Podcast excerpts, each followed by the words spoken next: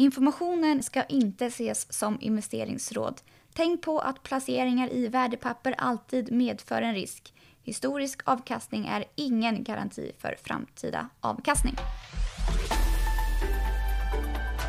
God morgon från Paretodesken. Det är torsdagen den 22 oktober och vi har en tung rapportdag idag, vilket vi ska försöka ta oss igenom. Vi ska även få ett köpcase från Fredrik Moregård på slutet så att vi blir lite upplyftande här under torsdagen. Men vi börjar i USA där det var, det var trevande börser både i USA och Sverige igår ska jag säga. Eh, Stockholmsbörsen öppnade ju på plus men stängde sedan på minus och även i USA så stängde börserna på minus igår.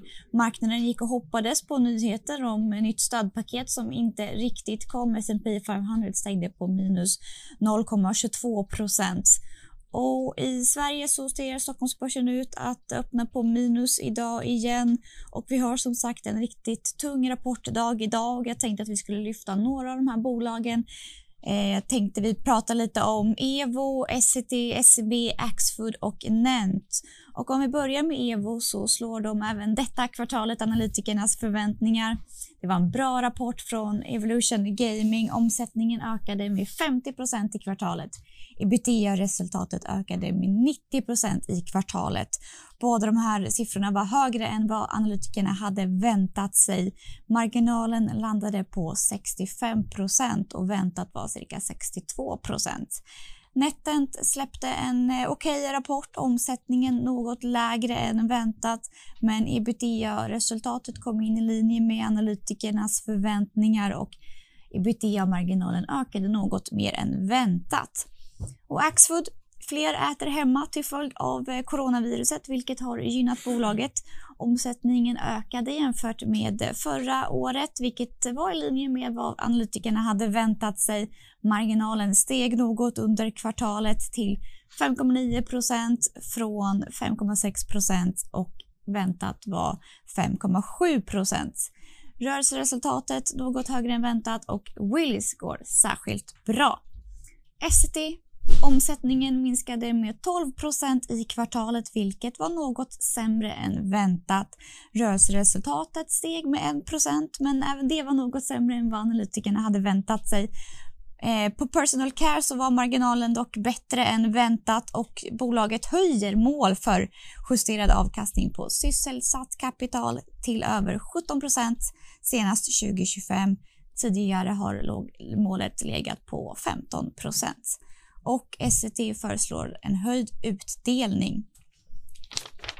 Går vi vidare till SEB som eh, rapporterar idag så steg intäkterna mer än väntat. Räntenettot kom in något lägre än väntat och eh, kreditförlusterna dubblades, eh, vilket var väntat. Och kreditförlusterna förbättrades om man jämför med Q2 i år.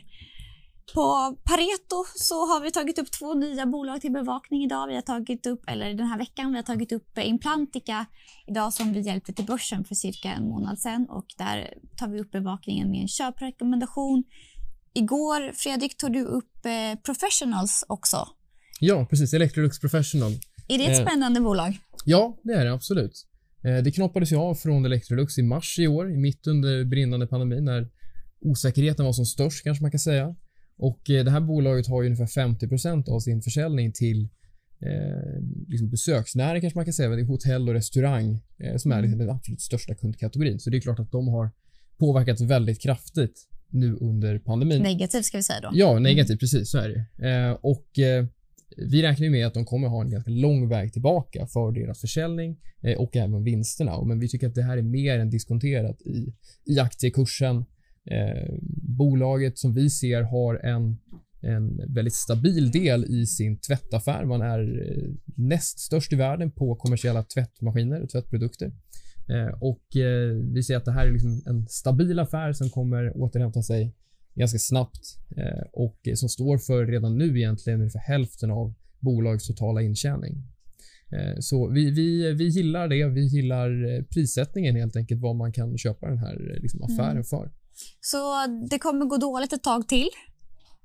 Eller? Ja, alltså det, det kommer, inte bli, det kommer inte bli värre än det redan har varit. Nej. Eh, det kommer det inte bli, utan Q2 var, var liksom katastrofsiffror.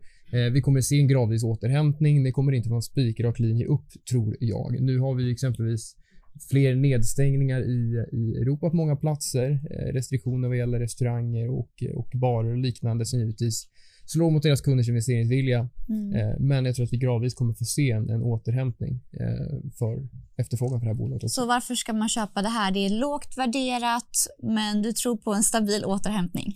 Precis, det är en stabil återhämtning. Sen har man också eh, det som, som alltid så att säga, finns för det här bolaget och det är stora möjligheter för både förvärv och andra typer av strukturaffärer i branschen. Det är en väldigt fragmenterad marknad man verkar inom. Som sagt, global nummer två inom tvätt. Eh, men en, en halvstor, kanske man kan säga, spelare inom eh, food and beverage, alltså köks och drycksutrustning. Eh, och här finns det gott om möjligheter för, för M&A. De har en otroligt stark balansräkning eh, och eh, kommer kunna agera på det tror jag från, för, från nästa år egentligen. Varför knoppades de av från Electrolux? Det var till stor del för att eh, kunna göra, eh, liksom ha, ha en bra position för att göra strukturaffärer och förvärv helt enkelt. Mm. Eh, vilket man hävdar skulle vara lättare när man har det här bolaget som, som separat och inte del av Electrolux eh, konsumentdelen helt enkelt. Mm. Spännande. Mm. Vad tycker du annars om rapportsäsongen så här långt? Eh, den har varit stark. Man kan säga att det genomgående temat har ju varit eh, bättre kostnadsbesparingar på många håll än vad analytikerna har räknat med. Vi fick Husqvarna exempelvis i, i tisdags. Eh, kom in ganska i linje med förväntningarna på försäljningen men var 10-11% bättre än, än våra, eh, våra estimat och marknadens estimat på, på vinsten. Eh, sen ser vi från vår del att det kommer bli ett tuffare 21 för Husqvarna. Det kommer bli eh, som det ser ut i dagsläget, råmaterial mot vindar, valuta mot vindar. Eh, Mm. Man kommer behöva skala tillbaka en del av de kostnaderna man har undvikit i år. Eh, Så vi tror att det kommer vara tuffare för rent marginalmässigt. Vi räknar med ett litet marginaltapp nästa år faktiskt för, för Mm. bolaget. Tror du att det kommer, för du har, täcker ju en del bolag som har haft den här corona Mm. eh, pushen. Ja. Dometic också till Precis. exempel. Tror du att de kommer ha bra kvartalsrapporter men sen kommer Mm. dala ner lite framöver? Det beror lite grann på vilka bolag man, man tittar på. Pratar vi exempelvis Dometic så finns det en eh, stor uppbyggd orderbok i hela den branschen där man behöver bygga tillbaka lager. Eh, man behöver bygga tillbaka lager hos återförsäljarna. En tillverkare igår som kom med, sin kvartalsrapport, Winnebago, de hade en orderbok som var upp 270% jämfört med förra året. Som indikerar att eh, det kommer vara fortsatt stark produktion ett antal kvartal framöver för att kunna bygga tillbaka det. Andra Mm. bolag som exempelvis eh, Husqvarna, men kanske framförallt Thule har mycket kortare orderbok mellan att de producerar till att det säljs till slutkonsumenten. Så får vi ett skifte i vad konsumenter vill spendera sina pengar på så kommer det märkas snabbare för den typen av bolag. Mm. Och vill man eh, höra mer om Husqvarna kan man lyssna på Pareto Podcasts senaste avsnitt. Där eh, går vi igenom Husqvarna och eh, ja, men ganska grundligt. Så in och lyssna på det. Tack så mycket Fredrik. Tack. Lycka till med alla rapporter. Hej då.